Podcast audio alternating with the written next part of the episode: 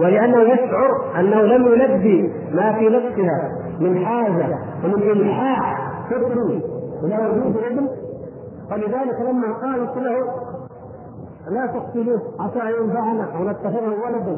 أو قالت قرة عين لي ولك لا تقتلوه. لما قالت ذلك لفرعون انهزم الطاغوت. انهزم أمام إرادة المرأة وأمام إلحاح المرأة الذي يعجز عن إتباعه فقال فليكن ذلك. حرمنا عليه المراضع لم يرتضع هذا الطفل. وهذه المرأة التي ألقى الله محبة موسى في قلبها تنزعج انزعاجا شديدا جدا. ولا تدري كيف ماذا تعمل؟ وبعثت هات المرأة الفلانية هات المرجع الفلانية هات هات. وتخشى أن يموت هذا الطفل ولن يرضع من أحد. وأم موسى لما أن كاد الأمر يزيد عن حده وترسل أخته تتتبع وتسمع بأن في بيت فرعون طفل حاله كذا كذا وصفه كذا وكذا وهو لا يرتضع من أي امرأة. تذهب تجد أنه هو الذي رأته في البيت وتقول أدل هل أدلكم على أي بيت يسكنونه وتقول النتيجة أن يعود الطفل إلى الأم ولكن لا يعود إليها وهي أمه التي تخاف عليه في أي وقت لا. يعود بأمر من الطاغوت وبإنفاق له وبرعاية وأنك أيها المرضع أرضعي هذا الولد ولكن النفقة ما تريدون وفرحت امرأة فرعون فرحا شديدا لما رأت الطفل قبل هذا الثدي بينما هو رفض جميع الأسباب الأخرى وأعطوها النفقة ورجع إلى أمه. ثم كيف كبر؟ ثم كيف نشأ؟ تنشئة العز في في في مجتمع الذل مجتمع بني إسرائيل؟ كان مجتمع ذل كانوا طبقة حقيرة تخدم الطبقة الكبرى التي هي عامة المصريين. ويريد الله له بيتها تنشئة عزيزة قوية كما تعلمون ثم يوحي إليه ويأتي إلى هذا الطاغوت ثم يأتي بعد ذلك بالآيات الأخرى وهي تسع آيات بينات. ثم تكون الآية العظمى بعد ذلك الدالة على صدق ما جاء به وهو أن الله تعالى يهلك فرعون ويهلك جنده ويغرقهم في الوقت الذي ينجو فيه موسى.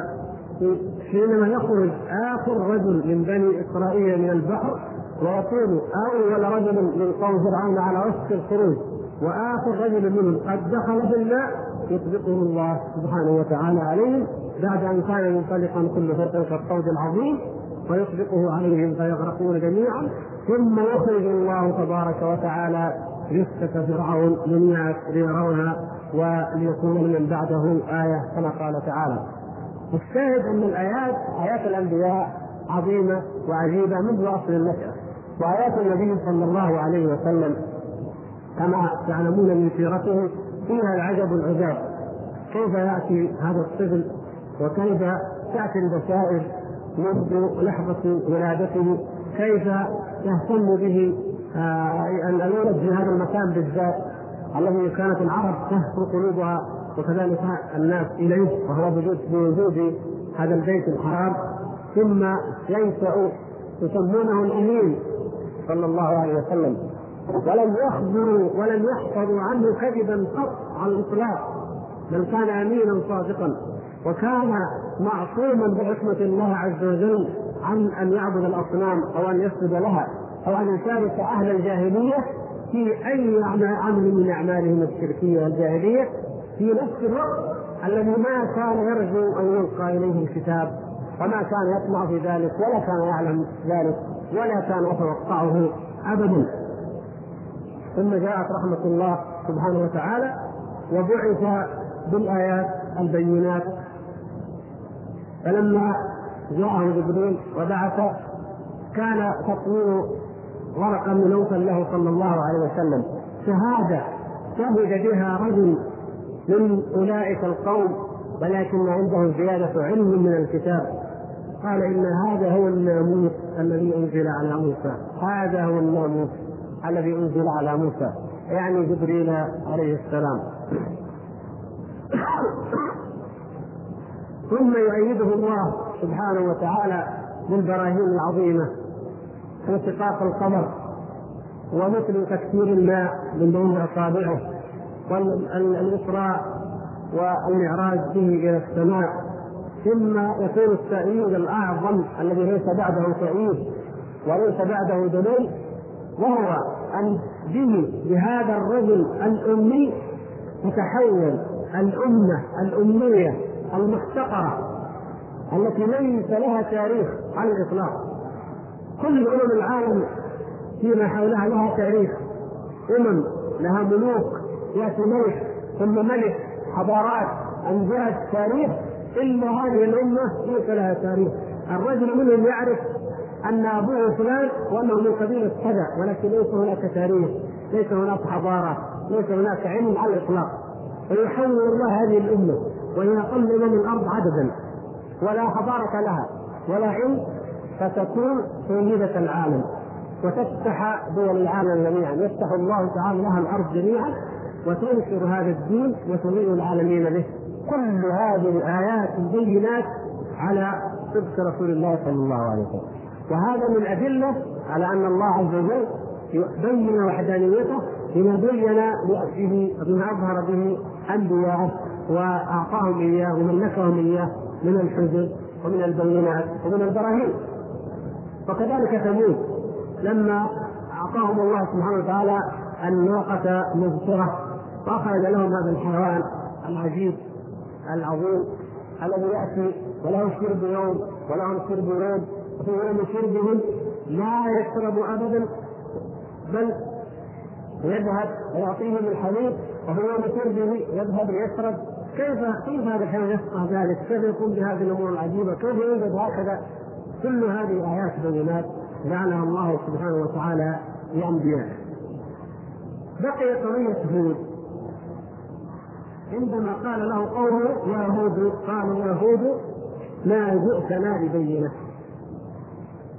حقيقة الأمر أن أعداء الله سبحانه وتعالى وأن الذين ينكرون الدين وينكرون التوحيد ليس الأمر أنهم لم يعقلوا ليس الأمر أن الجدال المجادلة لهم كان فيها ضعف في الحجة مثلا ليس الامر قضية براهين عقلية يجب أن نقنعهم بها لا. القضية قضية عناد فإنهم لا يكذبونك ولكن الظالمين بآيات الله يجحدون. يعلمون صدق النبي ولكن يجحدون ويكابرون ويماطلون فيقولون يا هود أنت تعلم من قبلك من الأنبياء قد جاءوا بينات وأنت يا هود لا جئتنا ببينه فلذلك لم نؤمن لك؟ فماذا كان جواب هود عليه السلام؟ هذا هذا الجواب هو في حد ذاته بينة. قال إني اشهد الله واشهدوا أني بريء مما تشركون من دونه فكيدوني جميعا ثم لا تنظرون إني توكلت على الله ربي وربكم لا من جادة إلا هو اخذ بناصيتها إن ربي على صراط مستقيم. هذه هذه بينتي كان هود عليه السلام يقول هذه بينتي تريدون مني بينة؟ أنا أقول لكم. وأنا رجل واحد. وليس معي على على ما أقول أحد إلا من آمن منكم وهم قليل أقول لكم انني أعلن إعلانا على الملا اعلانا عاما على الملا أنه بريء من معبوداتكم التي تقولون إنها تضر أو إنها تنفع. فأنا بريء من هذه المعبودات. وبريء من هذه الآلهة. إني بريء مما تشركون من دونه تكيدوني جميعا. ثم لا تنظرون. فأنتم وآلهتكم كيدون بأي أمر تريدون. اعملوا بما شئتم فإنني لن يصيبني من ذلك شيء إلا ما يقدره الله سبحانه وتعالى. الذي هو ربي وربكم وربكم والذي ما من دابة إلا هو آخذ بناصيتها سبحانه وتعالى. ففي هذا تحد لهم وفي هذا آية.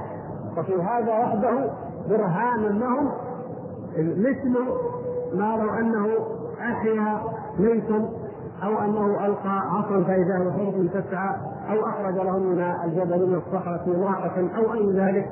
هذه أيضا هي بذاتها آية وهي آية خفية لكن من تدبرها وجدها آية عظيمة.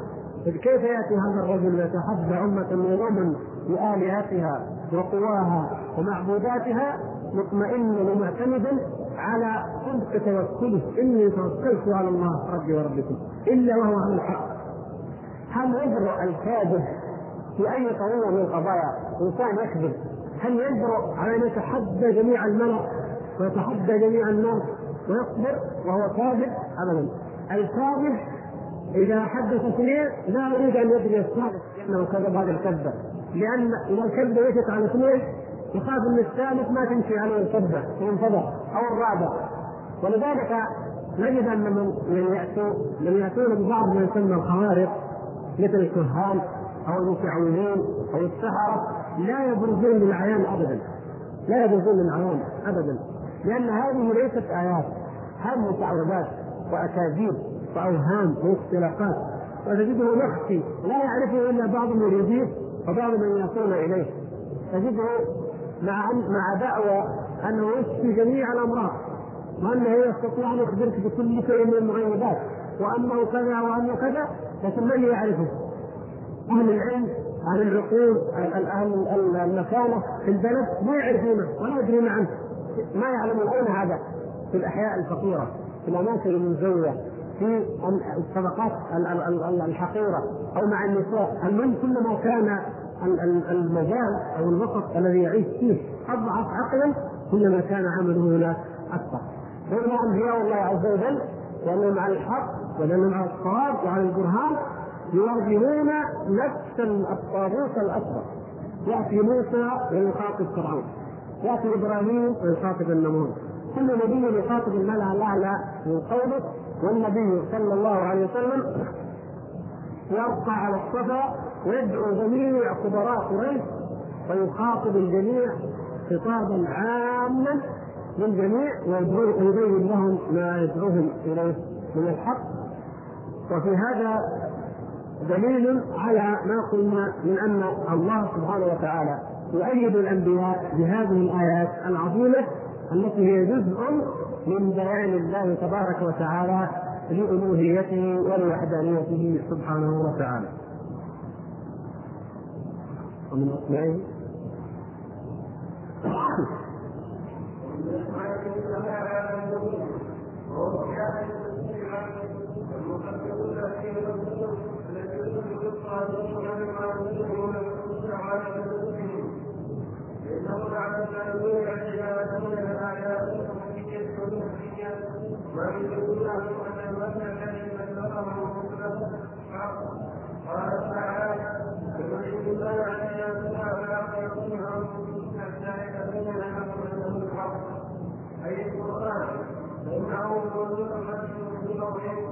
دونه ان المثل الذي بلغه قال تعالى يريد الله ان يكون ولا يكون ذلك بين لهم الحق اي القران فانه موجود مسجد في قوله والآراء يقول تعالى من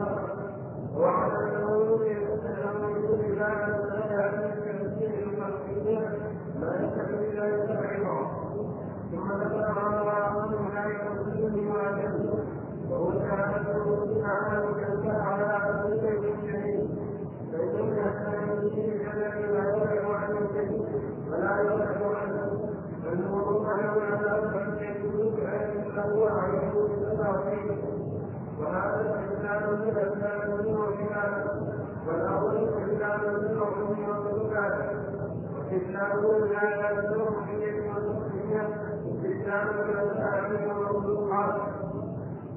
ربك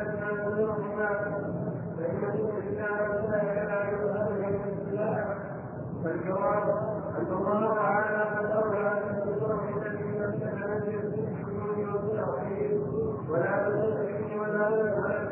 ويذكر به بقوله أنه جعل في الأرض وعلى الأمور أنه يقول لا يتبع في تنزيل المخلوقين ما يستحيل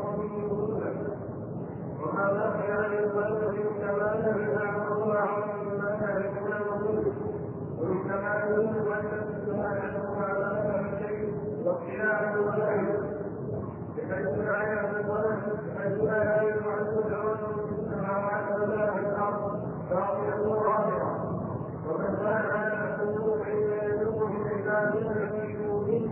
عليه بالتوحيد وهذا الإسلام من الإسلام منه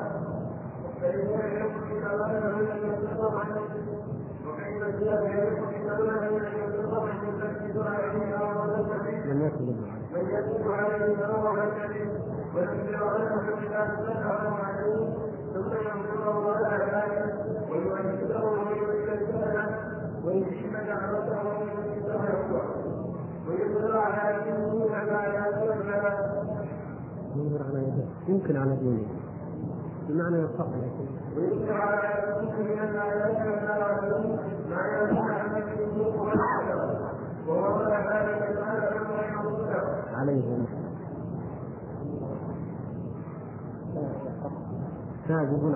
الحمد والله وهذا كان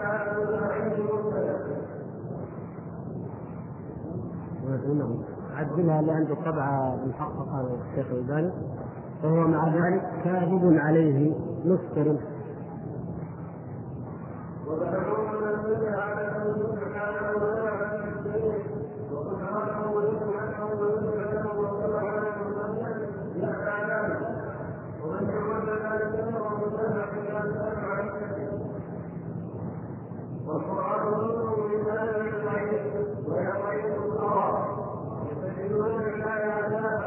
الله عليه ما كان يكون المؤمن ومن كماله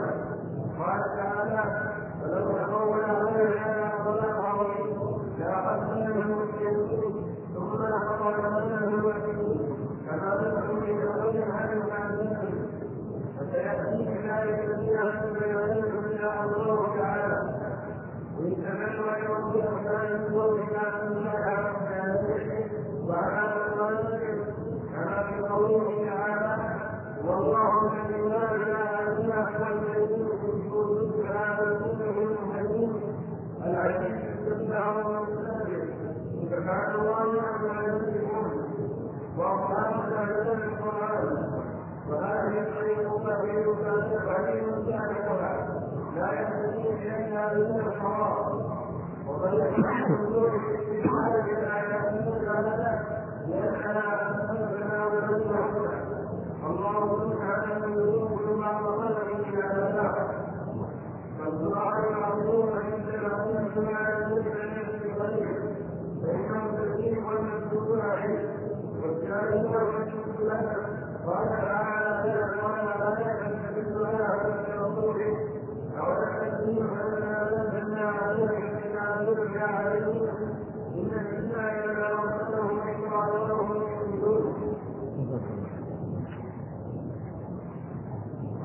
هذا نوع آخر من أنواع الاستدلالات التي أي من أنواع بيان الله تبارك وتعالى بوحدانيته والاستدلال عليه وهو أن نستدل بأسمائه سبحانه وتعالى وصفاته عليه نستدل بأسمائه وصفاته عليه سبحانه وتعالى. هذه طريقة أو هذا الاستدلال خفي لا يدركه كل أحد. بخلاف الاستدلال عليه تعالى بالآيات الكونية أو بالآيات النفسية أو أي الآيات المشاهدة. فإن الإنسان يتأمل فيها فيستدل بها على الله سبحانه وتعالى.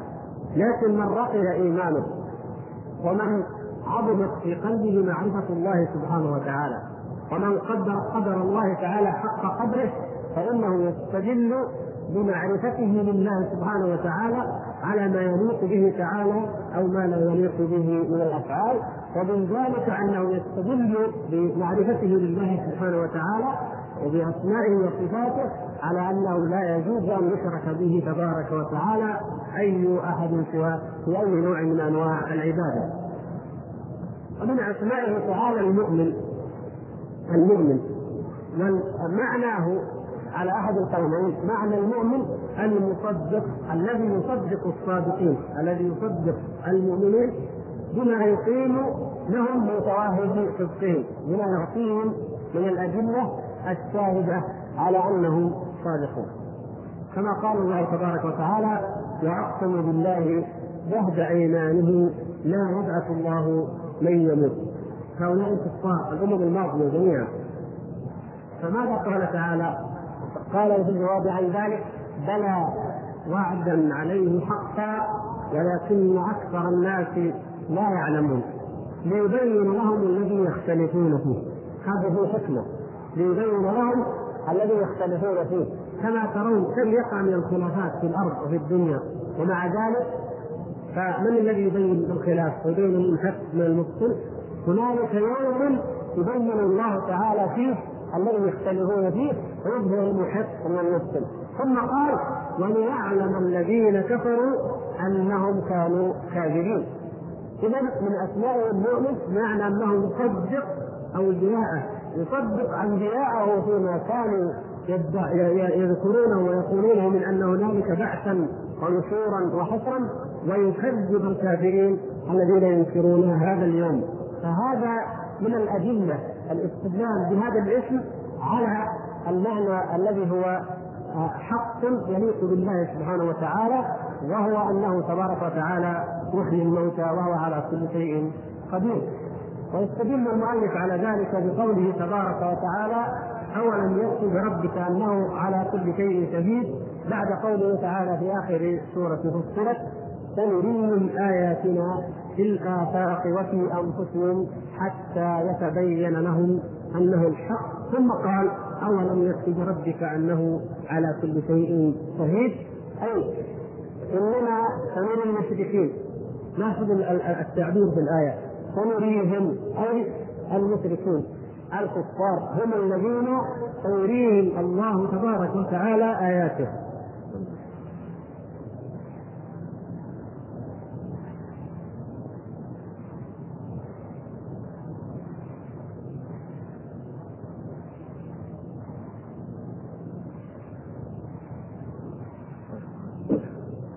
هذا والله أعلم فيه إشارة إلى ما وقع وترونه الآن هو أن أكثر الايات الكونيه والآيات النفسية إنما اطلع عليها وإلى الآن أكثر الناس اطلاعا عليها هم الكفار. ومع ذلك لم يؤمنوا.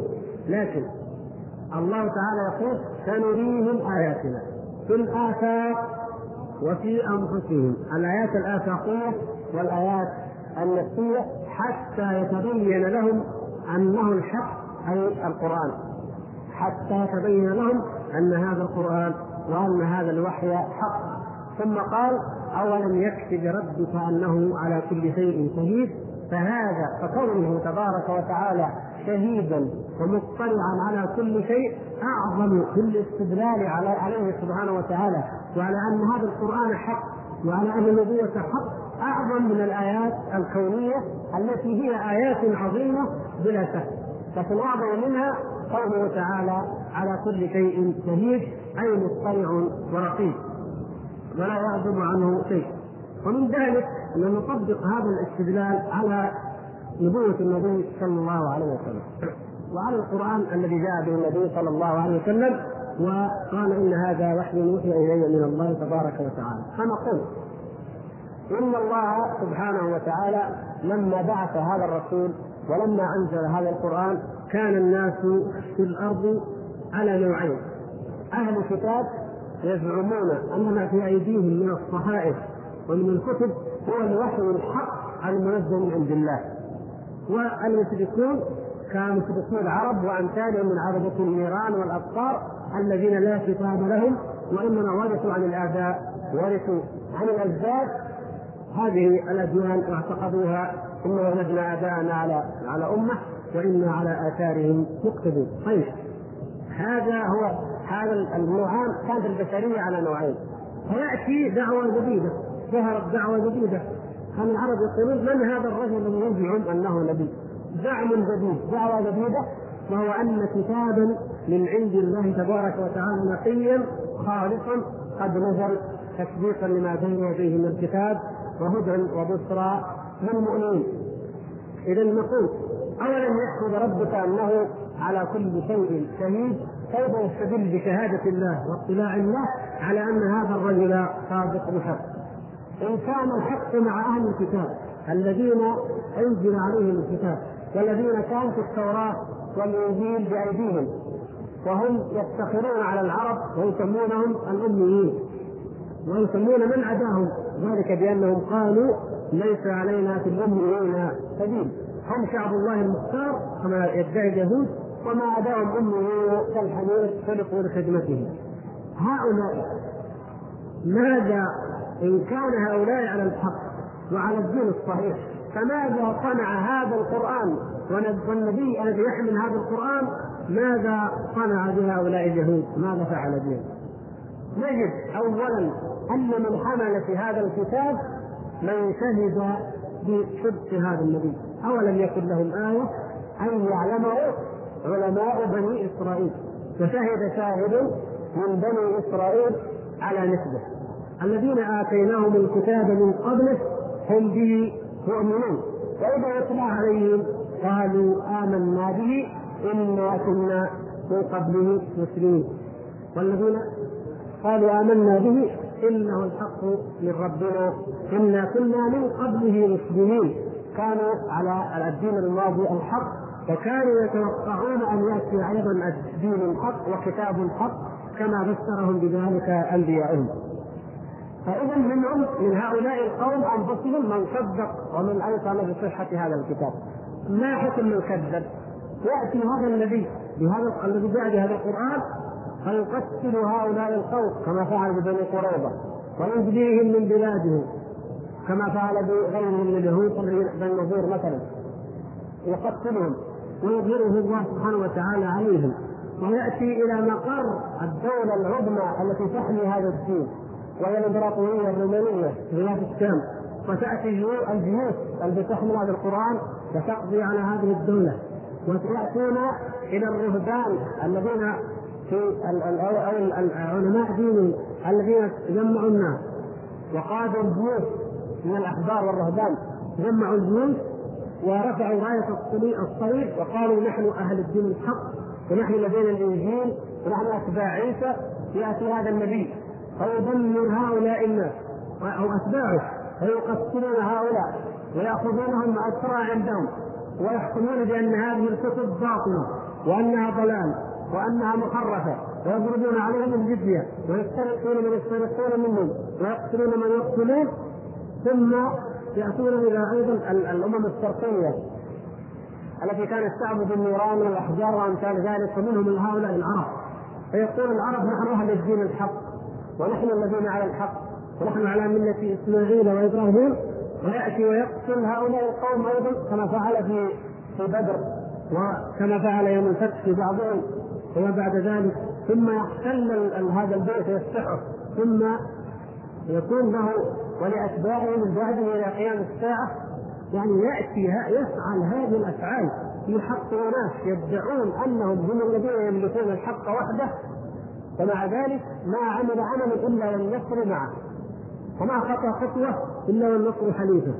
وما تقدمت الجيوش التي ترفع رايته وتعلي كلمته الا وهي منتصره على قلة العدد وعلى الضعف وعلى قلة العدة وعلى كثره الأعداء. وما نوظروا في مناظرة إلا وأفحموا خصمهم ولا جادلوا غيرهم إلا غلبوه. وما احتج على دينهم أحد إلا وغلب وأفحم ويظهر عليه الخزي والذل والعار. سبحان الله. هذا يدل على ماذا؟ أولم يكفي بربك أنه على كل شيء شهيد. لولا أن هذا النبي حق ولولا أن رسالته حق كيف تحصل له هذه الأدلة العظيمة؟ ولذلك أهل العقول أهل الألباب الذين يستدلون بصفات الله وبما يليق بالله تعالى على أفعال الله يعلمون أن الله إنما نصر هذا الرجل وإنما أظهر كلمته وإنما سلطه على أمم الأرض وعلى أهل الكتب السابقة لأنه هو وحده على الحق. والا فقد قال تعالى ولو تقول علينا بعض الأقاويل. لو كان لو كان من عنده شيء هو من عند نفسه لأخذنا منه. بيمين ثم لقطعنا منه أي لعاقبناه عقوبة أعظم من عقوبتكم. فإن قريشا لم تأخذ من النبي صلى الله عليه وسلم بشيء ولم تقطع منه بشيء وإنما هو ظاهر. عليها. حتى عندما حاولت ان تقتله لم تستطع. وحاولت اليهودية أن تضع له السم فانطق الله سبحانه وتعالى الشاة المسمومه وهكذا ايات عظيمة. هل يليق فعلا بمن يؤمن بالله؟ من يؤمن بالله. ومن يؤمن بأن الله حكيم سبحانه وتعالى وأنه عادل وأنه رحيم. فنقول له هل يليق بحكمة الله ورحمة الله وعدل الله وإحسان الله أن يؤيد هذا الرجل وهو كاذب عليه كما تزعمون يكذب عليه ويفتري عليه ويأتي بكتاب من عنده ويقتل أهل الكتب التي تقولون إنها هي الحق من عنده ويؤيده وينصره هذا ليس بإله ليس بإله حق لا يليق بالله عز وجل إلا أن نقول إن هذا النبي على الحق وأن حكمة الله ورحمة الله تعالى للعالمين وما أرسلناك إلا رحمة للعالمين. وأن رحمة الله للعالمين وحكمته وإحسانه للبشرية هو الذي اقتضى بأن يبعث في في الأميين رسولا منهم وأن يكون الأميون هؤلاء قادة وفاتحين يفتحون بلاد أهل الكتاب وبلاد عابدة النيران ويخضعونها لدين الله سبحانه وتعالى ويعود هذا الدين الذي هو من عند الله ليظهره على الدين كله ولو كره الكافرون ولو كره المشركون. هذا هو اللائق بالله سبحانه وتعالى وهو اللائق بصفاته سبحانه وتعالى. ومن هذا الاستدلال الخفي العجيب والذي كما قال الشارح لا يستدل به إلا الخواص استدلت خديجة رضي الله عنها. وهذا يدل على فقه خديجة رضي الله عنها وعلى كمال عقلها. فانه لما قال النبي صلى الله عليه وسلم لقد خشيت على نفسي في حديث الوحي المعروف لكم جميعا. لما قال ذلك ماذا قالت خديجة رضي؟ قالت كلا والله لا يخزيك الله أبدا. سبحان الله. كيف هذا؟ تعلم أن من كان هذا حاله لا يخزيك الله أبدا. ثم بين ذلك. إنك تحمل الكلب وتقرأ الضيف وتحمل وتعين على نوائب الحق تطعم المسكين وتعين على نوائب الحق. يعني تقول خديجة رضي الله تعالى عنها أو بالاستدلال هذا الذي يستدل به ان من كانت هذه صفته. من كان يعين على نوائب الحق ومن كان يقري الضيف من كان حسن الأخلاق كما كان صلى الله عليه وسلم من كانت هذه خلقه وهذا طبعه لن يخزيه الله سبحانه وتعالى بأن يسلط عليه سلطانا يغلبه على عقله. ويكون في هذا الحال فينقلب من من من حسن الخلق إلى الضد ويعامل بالضد تماما. لا. لا يكون ذلك؟ قالت والله لا يخزيك الله ابدا. أي اطمئن أنت لا تعمل إلا الخير ولا تعمل إلا الحق. وفي حياتك كلها في أعمالك كلها ما يدل على أنك لن تبصر ولن تؤتى إلا الخير وإلا الفضل وإلا الحق من الله سبحانه وتعالى. فما دام هذا حالك فلن يخزيك الله. اذا هي تعلم أنه سبحانه وتعالى لا يخزي من كان على الحق ومن كان هذا شأنه فهي من أفقه الناس وافضلهم لهذا الاستدلال الذي يقوله المؤلف وهو أننا نستدل بمعرفتنا لأسماء الله بحكمته سبحانه وتعالى وبعدله وبإحسانه على صدق دلائل نبوة محمد صلى الله عليه وسلم. وبعض الأفعال لو نسبها أحد إلى الله عز وجل لاستدللنا بأن هذا الفعل كاذب أن هذا الفعل كذب لماذا؟ لا يفعل الله ذلك لأنه يتنافى مع حكمته سبحانه وتعالى. ولهذا لما قال بعض المتكلمين إنه يجوز أن يدخل الله تعالى إبليس في الجنة ويعذب الأولياء والأنبياء في النار يجوز ذلك عقلا قلنا لهم لا لا يجوز ذلك. وأنتم وما تجدوه وما تجيزه عقولكم مردودون مرفوضون. لأن هذا لا يليق بحكمة الله تعالى أفنجعل المسلمين كالمجرمين ما لكم كيف تحكمون لا يمكن أن يكون ابدا هذا حكمة الله تدل على أن هذا الأمر غير ممكن ابدا ولذلك لما ادعى مسيلمه الكذاب لما ادعى النبوة ولما ادعى ان لديه قران ولما ادعى ان لديه وحي هل ايده الله؟ هل أظهره الله؟ هل نصره الله سبحانه وتعالى؟ هل آتاه آيات بينات تظهر الخلائق؟ ابدا. كل من من ادعى النبوة فإن الله عز وجل يفضحه من واقع كلامه الذي يقوله. إلا ومن كان على الحق نصره سبحانه وتعالى وأيده. ولذلك نجد كلام القرآن الذي يدعيه مسيلمه مثلا كما تعلمون جميعا كلام مضحك سخيف جدا يا ضفدع ضفدع تدعين في الماء تنقين ونقطين تبلعين. كلام هل يمكن أن يكون هذا من عند الله عز وجل؟ والطاحنات طحنا والعاجنات عجنا. لا يمكن. لا يمكن أن يكون هذا قران ابدا. ولذلك العرب عقلاء قريش لأنهم على عقل لم يفكروا أن يعارضوه ولو بآية واحدة. حتى يتبين لهم أنه الحق. أي القرآن. لم يفكروا أن يعارضوه ولا بآية واحدة. قالوا لمسيلمة الكذاب إن محمدا جيء له بعلي في يوم خيبر وكان في عينه رمد فتفل فيها فبرئت قال هات أنا ادخل فجيء إليه برجل مريض العين فتفل فيها فعمي لماذا؟ لأن حكمة الله عز وجل تأبى أن يأتي آية أو معجزة بينة أو برهانا بكاذب من الكاذبين. حتى أحمد القادياني هذا الكذاب كما تعلمون القاديانية كان يأتي بكتب ويسميها البيان ويسميها الكتاب الأقدس كتب ألفها ويقول هذه وحي يوحى إليه من عند الله. كان هذا الرجل لا لا يعرف الحذاء الأيمن من الحذاء الأيسر إذا أراد أن يلبس الحذاء. ولذلك اضطر كما يقول خادمه اضطر انه يضرب واحد بلحم ابويه حتى يعرف إنه حق اليمين. سبحان الله العظيم. هذا الذي يجهل هذا الشيء. يكون هذا نبي فعلا يكون يوحى إليه فعلا. هذا الذي يقول قد سقط عنكم جهاد الانجليز والحكومة الانجليزيه هي التي تمثل يعني ظل الله في الأرض كما يقول هل يمكن ان يكون هذا نبي؟ مسيلمة عندما قالوا له ان كل نبي ياتي بما رحمه يرحم بها قومه فما ترحم قومك؟ قال قد اسقطت عنكم آه، فريضتين صلوا ثلاث فرائض أو اسقطت عنكم ثلاث صلوا فريضتين من السهوله بمكان أن الإنسان يشرع لأنه ما دام من عنده فمن السهولة أن يبدل أو يغير أو يعمل ما يشاء. ولكن النبي صلى الله عليه وسلم لما قال له الكفار ائت بقرآن غير هذا أو بدله. ماذا قال صلى الله عليه وسلم؟ قل ما يكون لي أن أبدله من تلقاء نفسي إن أتبع إلا ما يوحى إلي. أبدا. لا يملك النبي صلى الله عليه وسلم ذلك.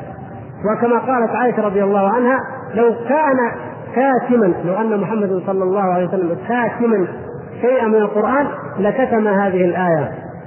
الآية في سورة الأحزاب التي جاءت بشأن قصة زيد رضي الله تعالى عنه. عندما قال الله سبحانه وتعالى فلما قضى زيد منها وطرا زوجناكها لكي لا يكون على المؤمنين حرج في أزواج أدعيائهم إذا قضوا منهن وطرا الايه التي قبلها وتخفي في نفسك ما الله مبديه وتخشى الناس والله أحق أن تخشاه. لو كان النبي صلى الله عليه وسلم كاتما شيء أو يملك ان يكتم شيء لكتم مثل هذه الآية.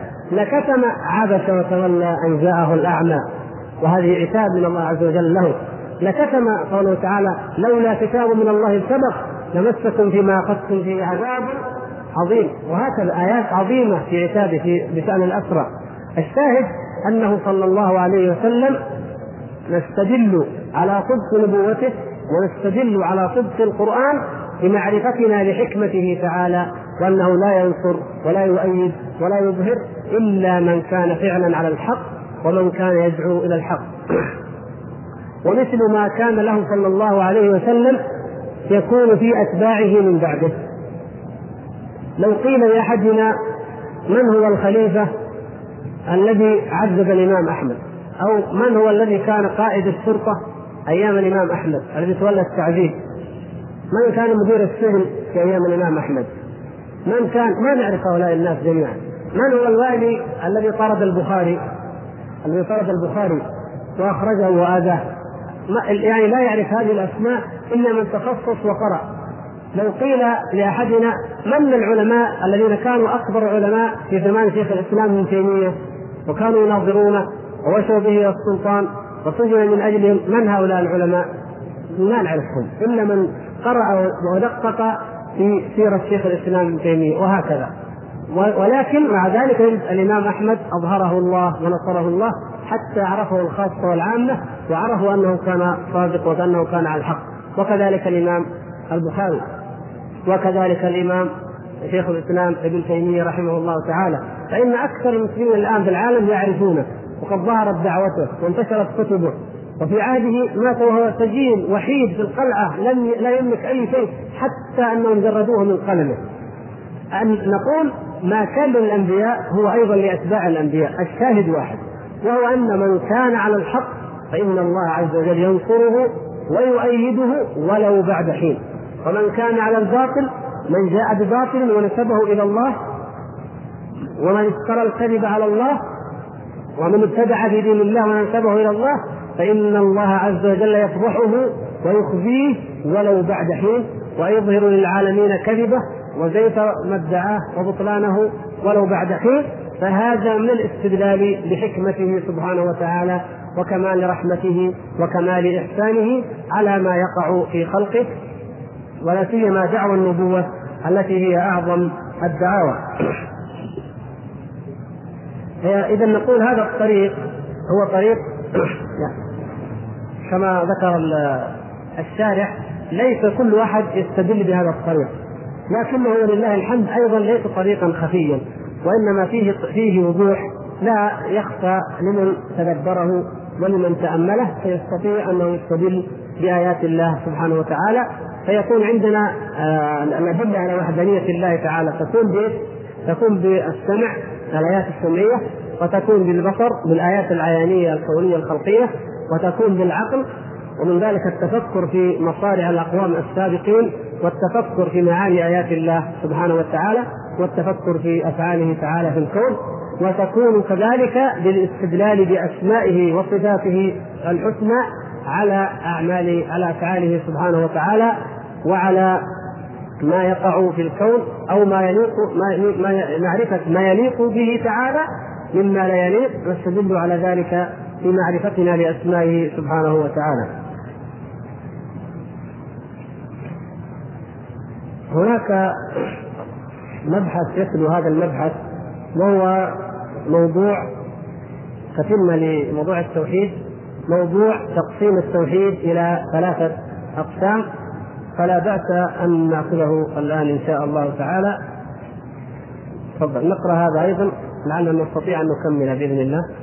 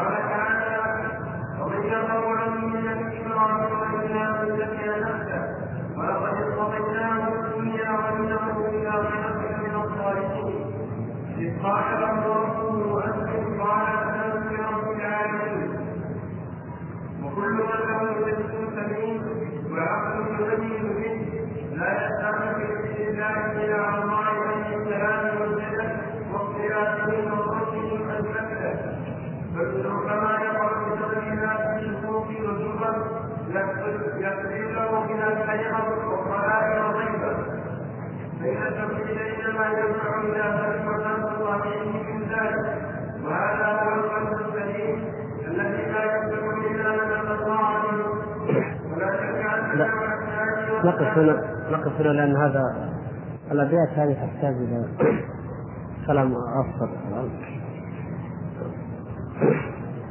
يقول المؤلف رحمه الله بعد أن عرفنا أنواع التوحيد الذي جاءت به الرسل وعرفنا مراتب الشهادة التي أيضا مرت معنا في الدرس الماضي ثم عرفنا في هذا اليوم كما مر معنا طرق الطرق طرق المعرفة وطرق البيان التي بين الله سبحانه وتعالى بها الأدلة على توحيده وحدانيته وأنه هو الحق.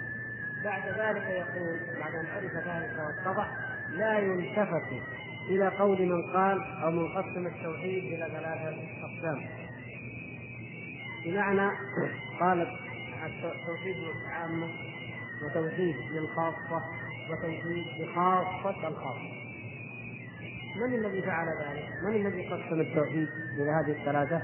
هؤلاء هم الصوفية ومنهم أبو حامد الغزالي في الإحياء فإنه ذكر هذه الأنواع وربما يكون قد نقلها ممن قبله حرم الله عليه الجنة ومأواه النار وما للظالمين من أنصار فالأحاديث صحيحة بذلك ومنها نفس رواية أنس في صحيح البخاري في كتاب الإيمان يقول يقصد الله سبحانه وتعالى من النار؟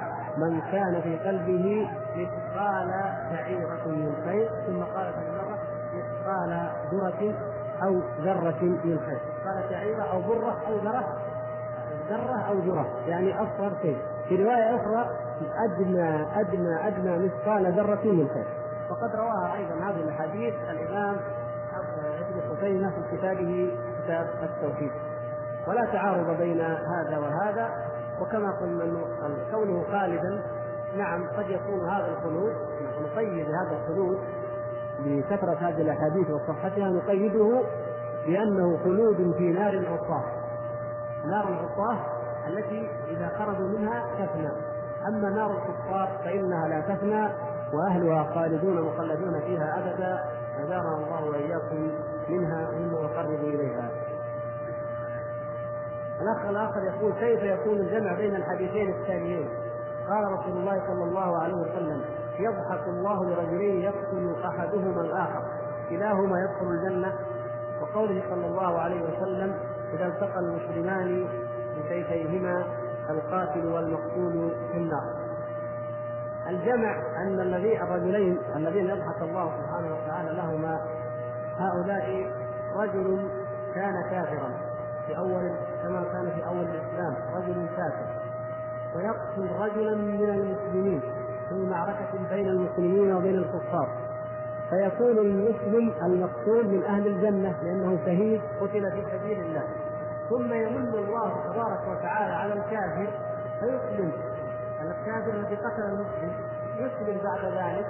ثم يكون من المؤمنين الصالحين وكما تعلمون أن الإسلام يجب ما قبله. من أسلم يقبل الله ذلك ويغفر له ما قبله وإن كان قبل ذلك قتل المؤمنين أو آذى عباد الله أو آذى حتى النبي صلى الله عليه وسلم وقد آذاه قومه ولما أسلموا غفر الله تعالى لهم ما فعلوا قبل ذلك. فهذان يدخلان الجنة. معا مع أن أحدهما قتل الآخر. الحديث هكذا. وأما إذا التقى المسلمان بسيفيهما فالقاتل والمقتول في النار فلا جنى عليه. أما المسلمين فهذا لا يعارض. قل هذا ما يعارض الأول. المسلمان نهي المسلم أن يسكر السلاح على أخيه المسلم. بل نهي المسلم أن يشير إشارة بالسلاح على أخيه المسلم ولو كان على سبيل المزاح. لا يجوز أن تمزح على اخيك المسلم بأن تشكل إليه سلاح هكذا أو هكذا. مزح ولو تسكين. هذا لا يجوز. مزحا فكيف بمن يقتل اخاه المسلم فإذا التقى المسلمان بسيفيهما فالقاتل والمقتول في النار هذا حديث صحيح. قاله النبي صلى الله عليه وسلم زجرا للمسلمين عن الاقتتال. كما قال صلى الله عليه وسلم أيضا في خطبة الوداع التي حضرها جمع كبير جميع المسلمين وأكثرهم قال لا ترجعوا بعدي كفارا يضرب بعضكم رقاب بعض. هذه من أفعال الكفار.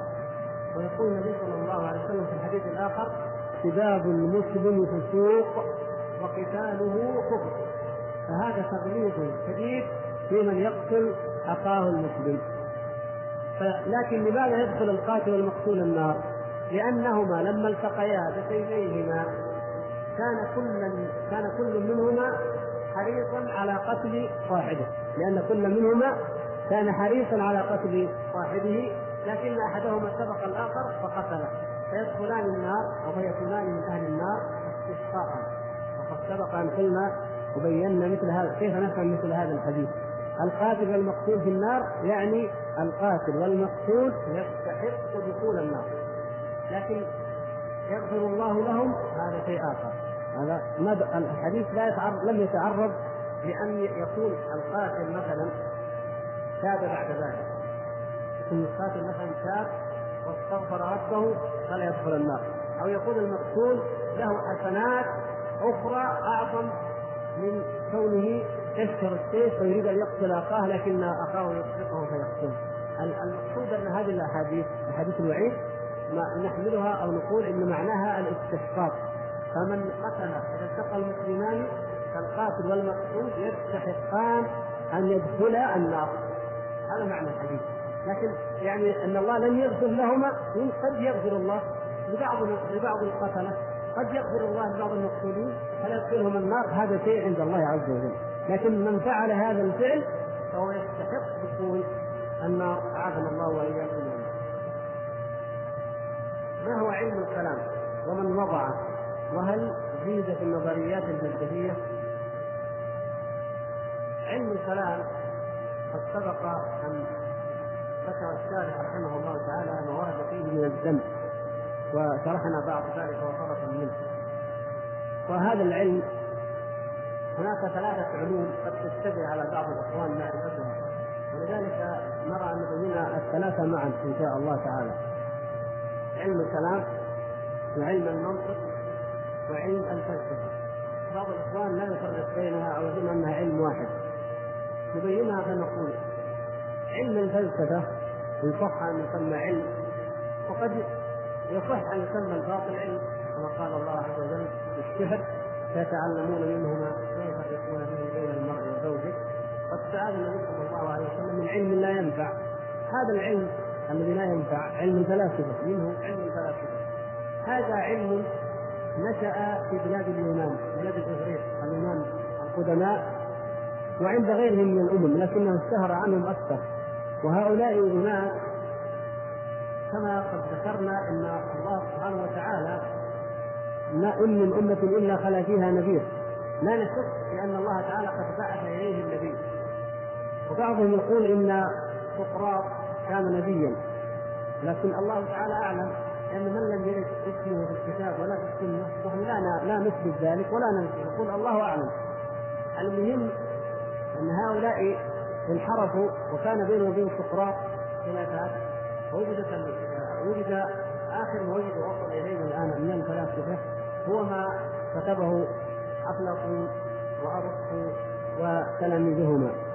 هؤلاء قوم فكروا كما يزعمون وفكروا بعقولهم وآرائهم وكتبوا عن حقيقة الألوهية وعن حقيقة الكون ونشأته وعن حقيقة الإنسان من عند أنفسهم لم يهتدوا بهدي من الله تبارك وتعالى. وإلا فنحن نقول لا بد أن الله قد أرسل إليهم إلى تلك الأمة النبي. لكن إما انه لم يبلغوا ذلك وإما أنهم كانوا مكذبين جاحدين الله أعلم. المهم أنهم كتبوا من عند أنفسهم وشرعوا لمن بعدهم ما لم يأذن به الله. مثل ما قالوا بأن الافلاك هذه الافلاك هي تدير الكون تؤثر في الأرض. وأن هناك النصوص العشرة والعقول العشرة وما أشبه ذلك من الكلام ومن اللغو الباطل وهؤلاء لا يؤمنون باليوم الآخر. وبعضهم لا يؤمن بالنبوة أصلا ولا يؤمن بأن هناك أنبياء. ويضعون ويشرعون للناس من عند أنفسهم كما شرع أفلاطون. أفلاطون شرع مبدأ الشيوعية القديم يقول أن الناس لا يجوز أن يملك أحد منهم زوجة ولا يملك مال ولا يملك شيء وإنما يكون هناك حكام يتوارثون الحكم طبقه يعني حكام الأخرى آه، جنود وطبقه أخرى فلاحين وطبقه كذا. وهؤلاء كلهم يخدمون المجتمع ويخدمون الدولة. كانت نظرية بدائية للنظريه الشيوعيه التي ظهرت في القرن التاسع عشر فيما بعد. هؤلاء ناس آه، خارجون عن جميع الملل.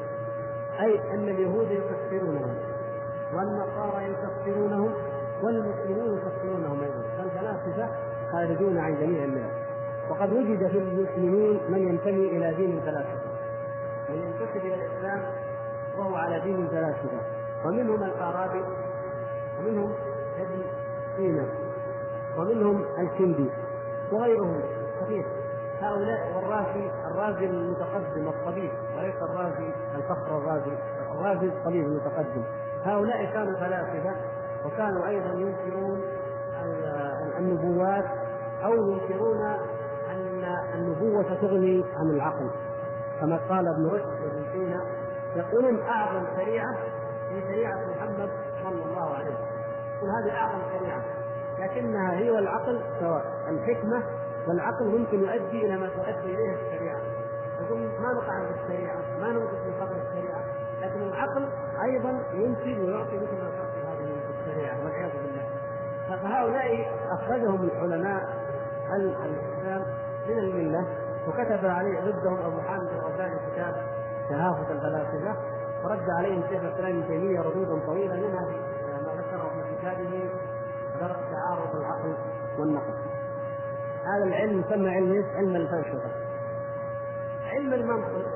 هذا قواعد وضعها أرسطو. وهي آلات آلة أو معايير. قواعد مثل قواعد الرياضيات ليست في ذاتها كفر. هي ليست في ذاتها كفر. لكنها معايير يستخدمها من شاء الكفر يستخدم هذه المعايير. وقد تستخدم أيضا للحق. لكن بناء هذا العلم قليل. وقد حدثنا عنه بالتفصيل فيما مضى. بناءه أو ثمرته أو فائدته قليلة كما قال شيخ الإسلام ابن تيمية قال علم المنطق لا يستفيد منه لا يحتاج إليه الذكي ولا يستفيد منه الجليل.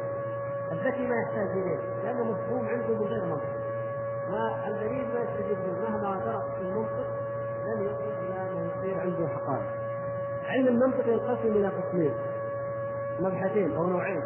تصورات وتطبيقات يعني يوجد الموضوع إن كان قد يكون بصعوبه لكن حتى يفهم التصورات هذا يبحث في التعريف وأنواع التعريف والألفاظ. وما إلى ذلك.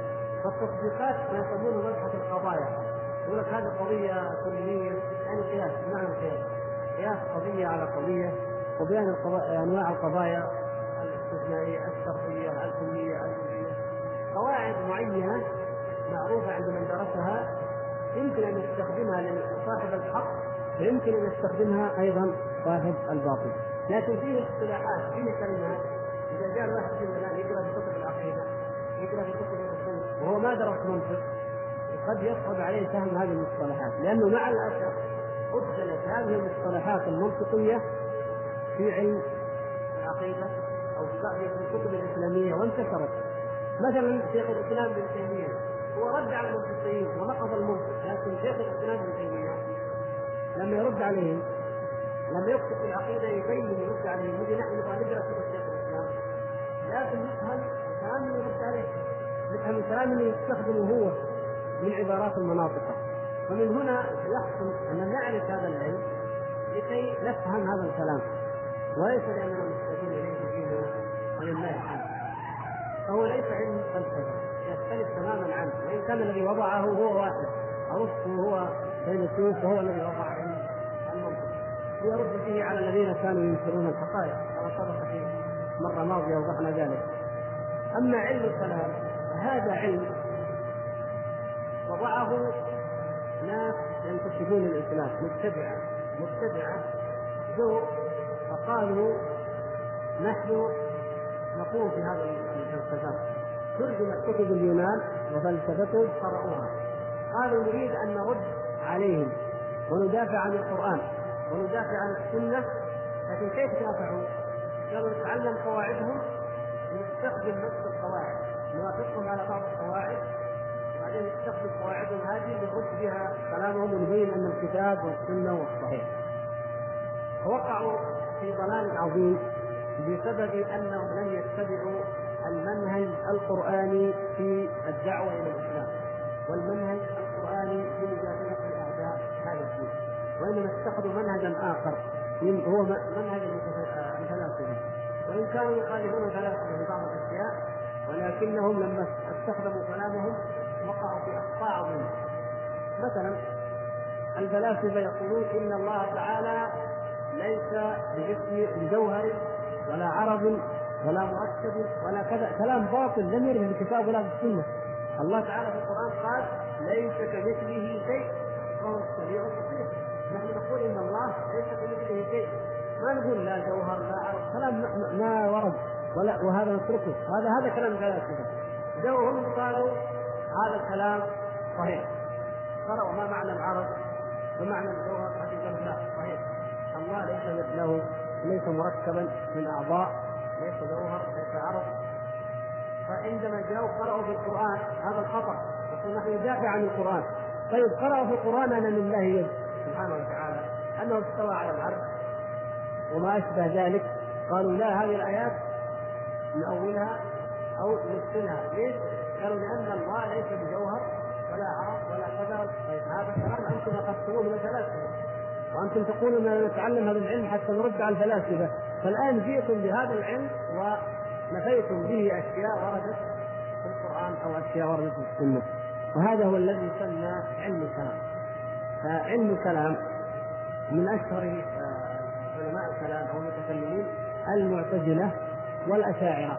هؤلاء هم من أهل الكلام لأنهم يستدلون في كتبهم دائما بالأدلة الكلامية العقلية. يعني يقولون أن العقل هو الذي يحكم بصحة الأشياء أو بعدم صحتها ولا بد من عرض الآيات والأحاديث على العقل لينفي ما ينفي وليثبت ما يثبت. هؤلاء علماء كلام.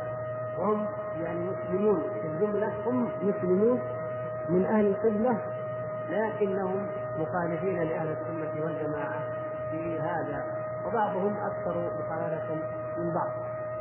أما المناطق فهؤلاء قوم آه، بحثوا في علم الأصول مثلا. بعضهم أصوليون وبعضهم مجرد مناطق لم يخوضوا لا في الفلسفة ولا في الأصول ولا في شيء. والعلم الذي وضعوه والكتب اللي كتبوها هي مجرد قواعد ومعايير لا تستلزم بذاتها الكفر قد لا يتعرض منه قد لا يتعرضون للدين أصلا ولا للإيمان ولا ان يكتب قواعد مثل قواعد الرياضيات. والفلاسفه هم الذين يضعون قواعد كفرية وأصول كفرية. قولهم بأن الدنيا هذا العالم قديم وأن الطبيعة هي التي توجد وأن الله هو واجب الوجود وهو العلة وهو كذا. غير ذلك من أباطيلهم ومفترياتهم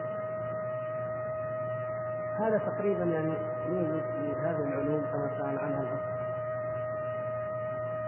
أخ آخر يقول يوجد رجل يعتقد في كلام ابن عربي ومنه أن ليس في الجبة إلا الله وعنده خرافات كثيرة وإنني أعرفه شخصيا فهل من سبيل لعلاج هذا الشخص أو إصلاحه؟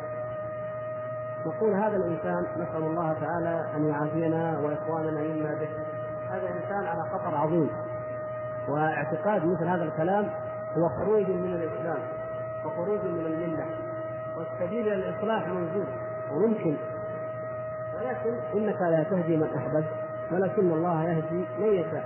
عليك أن تبذل السبيل ولكن لا تظن أنك إذا بذلت له ذلك فإنه لا بد أن يعرف الحق لابد أن يهتدي ويكون أهل الحق. لكن يجب عليك أن تعرفه الحق وأن تعرفه أن هذا الكلام صفة وأن تعرفه أن ابن عربي فكره علماء الإسلام في مثل هذه مثل هذا الكلام الذي يقوله في حق الله سبحانه وتعالى وفي آه، كتابه ما وما يحرف به كتاب الله من الكلام الفاسد الباطل كقوله هذا وكأمثاله آه الأخرى ما في أمثاله من الكلام الآخر الذي فيه حلول واتحاد ووحدة وجود وافتراء على الله سبحانه وتعالى ودعوى أنهم آه هو خاتم الأولياء وأن الوحي لم ينقطع.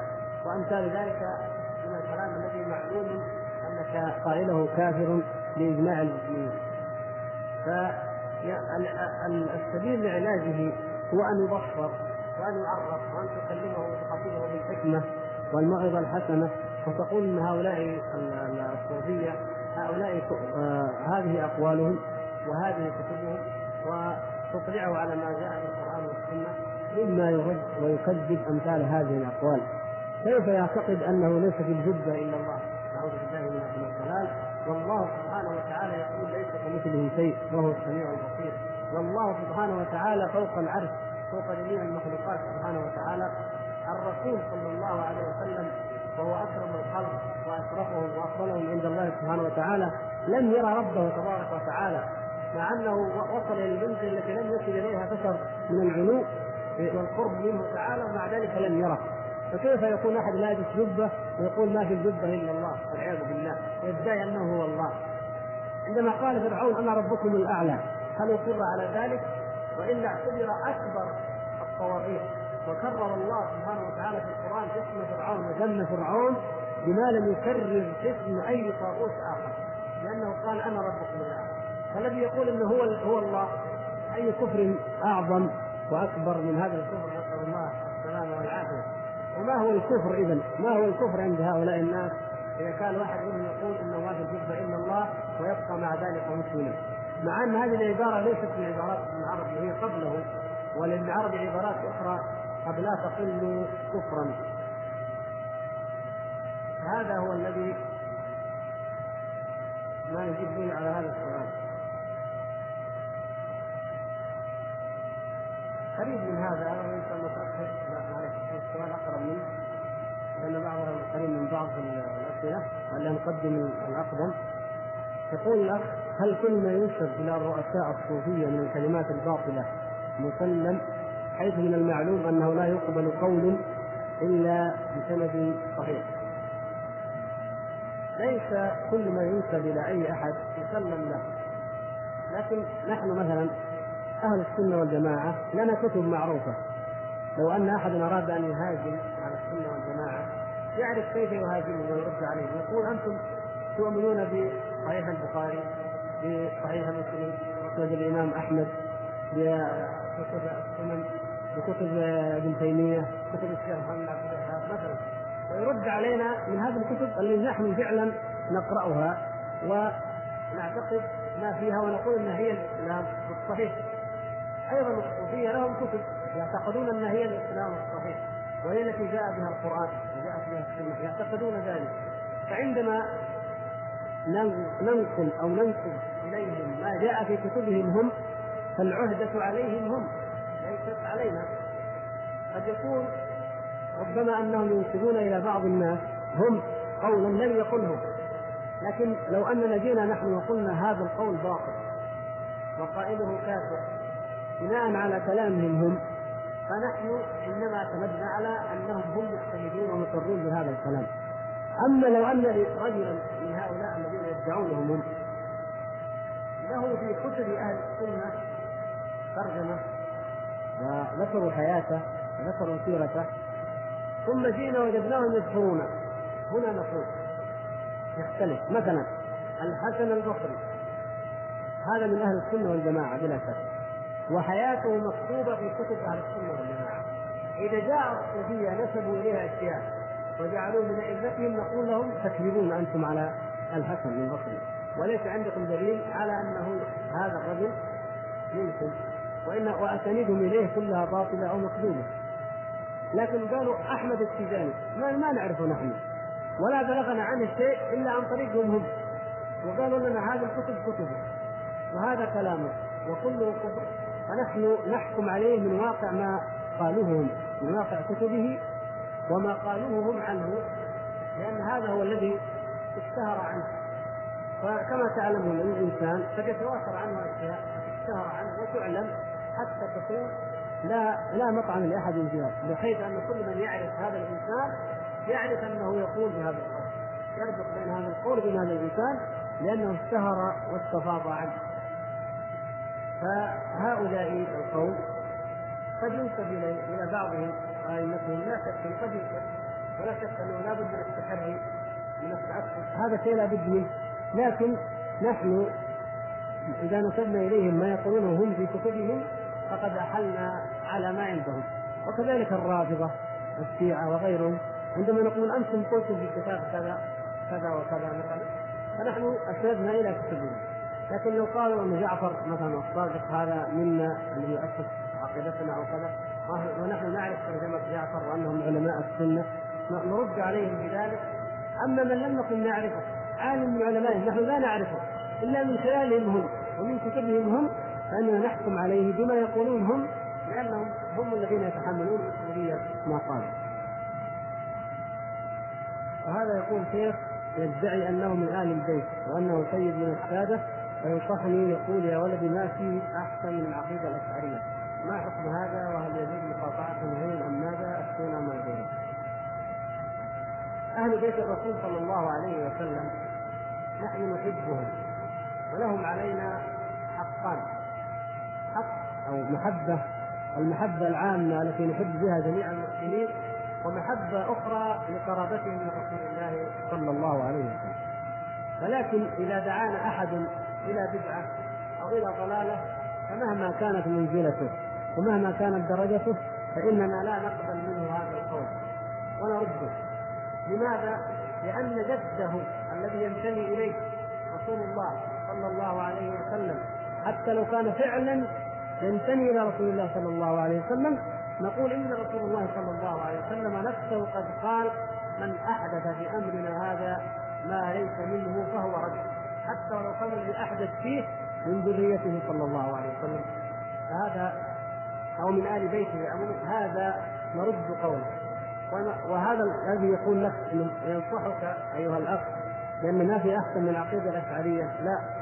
الله سبحانه وتعالى يقول قل إن الهدى هدى الله. ويقول قل إن هدى الله هو الهدى.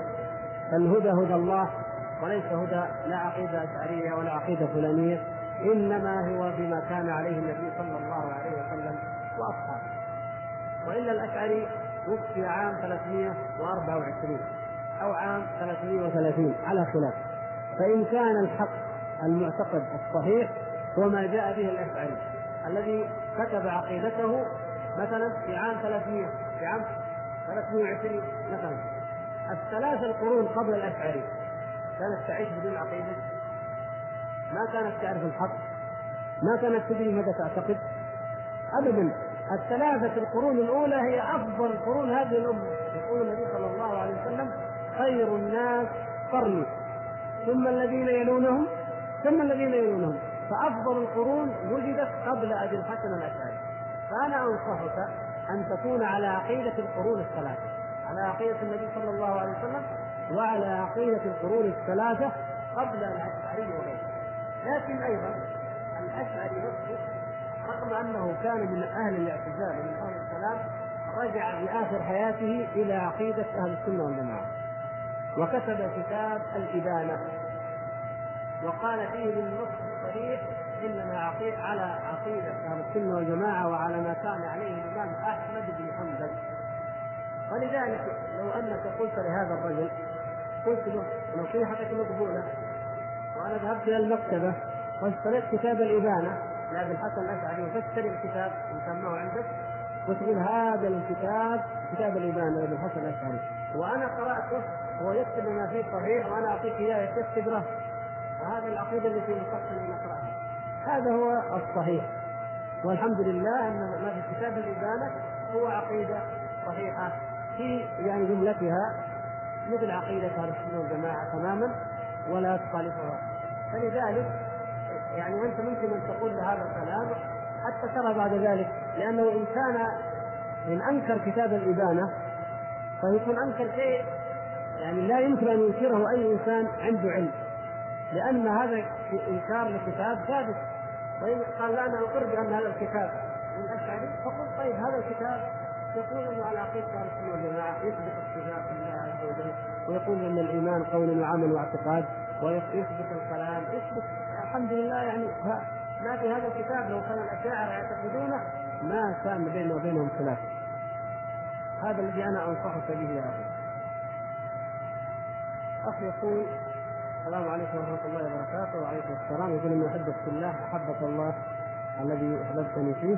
يقول أسمع كثيرا عن التحدث عن صفات الله انها سبحانه عز وجل أنه غير جسم أو ما يشابه هذا من الكلام. وهذا الشيء لم أفهمه وضحه لي نور الله قلبي. يا أخي كلمة أن نقول إن الله جسم أو غير جسم هذه من البدع. نحن لا نخوض بهذا الكلام ولا تشغل نفسك بهذا الكلام. الله هو كما أخبر عن نفسه. يقول سبحانه وتعالى قل هو الله أحد. الله الصمد لم يلد ولم يولد ولم يكن له كفوا فلماذا تذهب إلى جسم وما جسم هذا الكلام من البدع ويقول كما تقرأ في آية الكرسي الله لا إله إلا هو الحي القيوم لا تأخذه سنة ولا نوم له ما في السماوات وما في الأرض. إلى آخر الآيات آيات في آخر سورة الحشر في أول سورة الحديث. وغير ذلك من الآيات الله سبحانه وتعالى أخبرنا عن نفسه وأخبرنا عن صفاته سبحانه وتعالى فما الداعي أن نجيب كلمة لم ترد لا في الكتاب ولا في السنة؟ هذا الكلام من كلام أهل البدع. لا نستعمله لا نقول جسم ولا غير جسم. يقول هذه الكلمة مبتدعة لا نثبتها ولا ننفيها ولا نذكرها ولا نستعملها. أي كلام من كلامنا ابدا. وكل لفظ أيضا في هذه الالفاظ لم يأتي في الكتاب والسنة فموقفنا منه هو هذا هل جثة فرعون موجودة إلى الآن؟